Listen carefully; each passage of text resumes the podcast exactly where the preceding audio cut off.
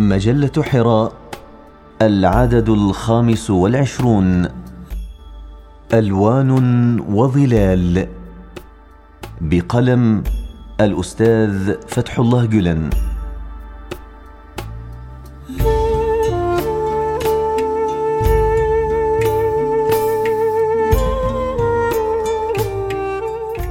السائرون.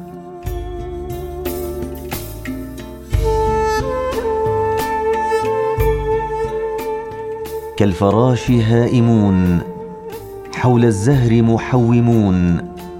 سبلنا شائكة مرة ومخضرة أخرى.